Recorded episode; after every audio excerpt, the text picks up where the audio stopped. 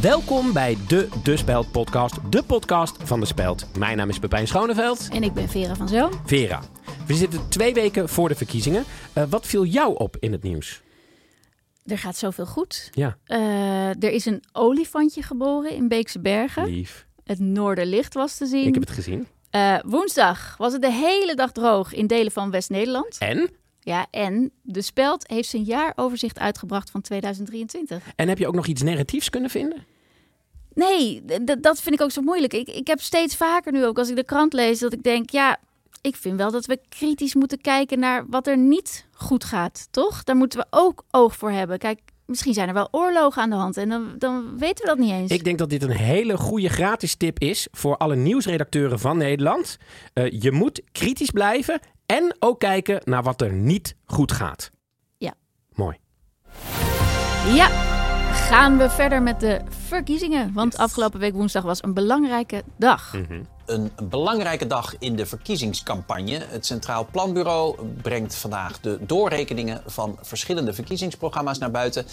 Wat betekenen die voor bijvoorbeeld uw portemonnee, maar ook de arbeidsmarkt? Ja, de doorrekening van de verkiezingsprogramma's door het CPB is al jaren een eikpunt in de campagne. Maar dit jaar deden er nog maar zeven partijen aan mee.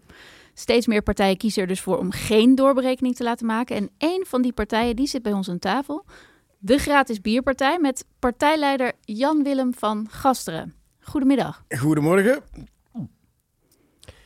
Ja, meneer Van Gasteren, eh, fijn dat u even tijd voor ons kon maken. Eh, even voor de mensen die u nog niet kennen. Uw partij wil letterlijk dat elke Nederlander gratis bier krijgt, hè? Ja, dat zegt u helemaal correct. Ja.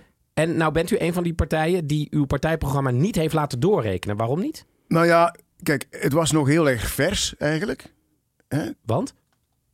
Nou ja, kijk, er speelden ook al wat privé dingetjes. eh, Oké, maar goed. eh, andere partijen zeggen, eh, u heeft het niet laten doorrekenen omdat uw plannen onbetaalbaar zijn. ja, nou, daar wil ik toch graag even iets over zeggen. Kijk, eh, wij laten onze plannen inderdaad niet doorrekenen door het CBR. Het CPB?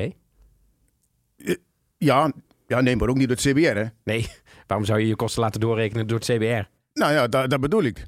Nee, oké, maar meneer Van Gasteren, als we kijken naar uw plannen, dan zullen die ook gewoon tientallen miljarden per jaar gaan kosten. Hè? Eh, De zorg zou bijvoorbeeld niet aankunnen, ziekteverzuim zou stijgen, eh, meer huiselijk geweld.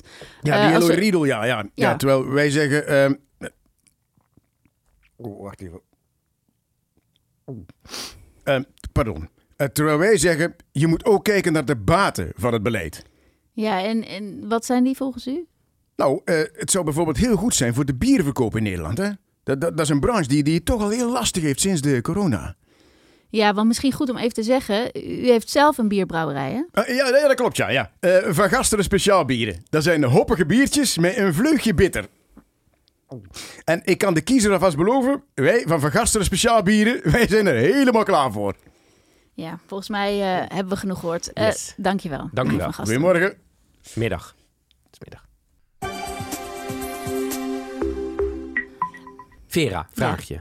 Hydrateer jij eigenlijk genoeg? Hydrateren, dat vind ik altijd zo'n gek woord. Het gaat over drinken, Vera. Ja, Wist jij dat alles misgaat in jouw lijf als je niet genoeg water drinkt? Vochtbalans, spijsvertering, lichaamstemperatuur, je hersenen, je huid gaat allemaal kapot als je niet genoeg water binnenkrijgt. oké, ja, dit, dit klinkt niet goed. En dat kun je dus allemaal voorkomen door simpelweg voldoende water te drinken en Air Up helpt je daarbij. Air up. Ja, Air Up is een waterfles die water smaak geeft door alleen geur.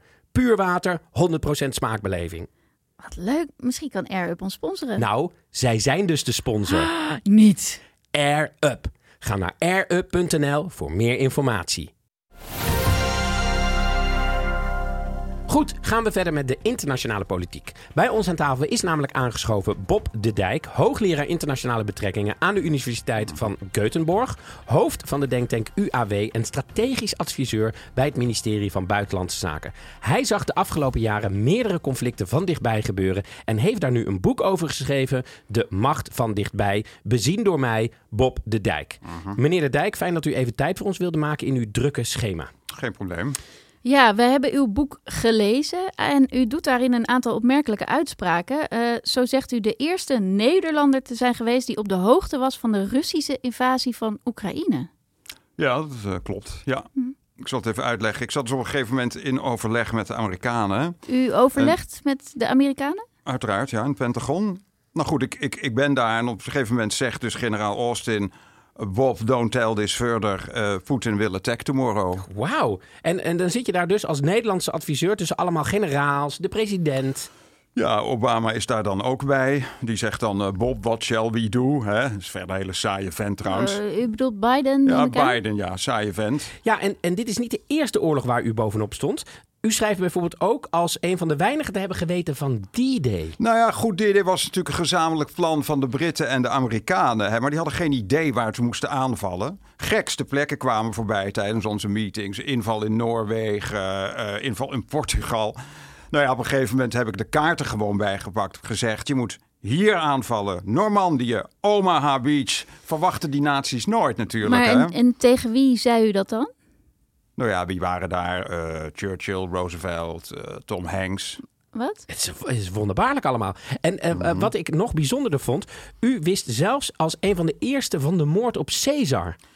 Nou ja, goed, dat borrelde natuurlijk al een tijdje in die patriciërskringen. En je gelooft natuurlijk niet dat het echt gaat gebeuren. Maar op een gegeven moment zegt zo'n Brutus dan toch... eh, Bob, Demani, el et morte. Wauw, Ah. mooi, mooie, mooie Latijnse quote. Nou, volgens mij zit geen Latijn. eh. Ik ben trouwens ook nog eens eh, bijna ontvoerd door de Trojanen, wist je dat? Ook weer zo'n gek verhaal. Ja, ik, ik zag dat metershoge paard. Ik zeg, dat moet je niet vertrouwen. Nou, dat bericht was aan Dovermans oor gericht. En voordat ik het wist, Ja, zit ik goed. in... de- Schitterende verhalen allemaal. Eh, dank u wel voor uw komst, Bob Oh, de Dijk. Ongelooflijk, ongelooflijk. Mooie verhalen. Jezus. Ja, nou goed dat je hem noemt, eh, Pepijn. Eh, ik heb nog eens met Pilatus eh, om de tafel gezeten. Ja, oké. Om- Wij gaan door. Dank u wel. Tot slot gaan we het nog heel even hebben over Pieter Omtzigt. De partijleider van NSC gaat nog steeds aan de leiding in de peilingen, maar hij weet nog steeds niet of hij ook premier wil worden. Deze week kreeg hij er een vraag over bij de NOS en hij zei dit. De twijfel heeft te maken met, eh, ik had niet gedacht tien weken geleden toen we dachten we gaan een partij opzetten, dat je me nu deze vraag zou stellen. Eh, En dat je de Overvalt je vijfde misschien bent. een beetje ook. Dat gaat snel, ja. ja. Ja, hij twijfelt dus nog. We gaan erover bellen met onze politieke verslaggever Sterre Verschuur. Sterre, welkom. Goeiedag. Ja, waarom blijft Omtzigt zo twijfelen? Ja, omdat het eigenlijk gewoon een beetje een twijfelaar is.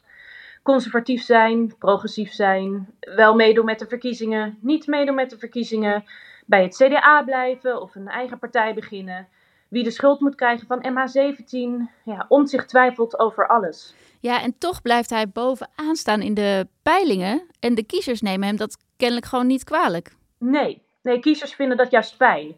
Ja, want neem wel, kiezers twijfelen zelf ook over alles. Hè, met de auto of fiets naar werk, op de bank hangen of gaan sporten, bolnoten eten of wasabi-nootjes. Trouw blijven aan je partner of toch een dikpik sturen naar die nieuwe secretaresse. Ja, precies. Ja, dus die mensen gaan allemaal op Pieter Omtzigt stemmen. Oké, dankjewel Sterren voor je toelichting. Nou, dan zijn we er alweer doorheen, Vera. Ja. Dit was de De Speld podcast, mensen. Mijn naam is Pepijn Schoneveld. Mijn naam Vera van Zelm. En we zien u graag volgende week weer terug. Dan gaan we een kudde genoes kleien met Caroline van der Plas. Nou, wat leuk. Ik ben gek op kudde dierenkleien.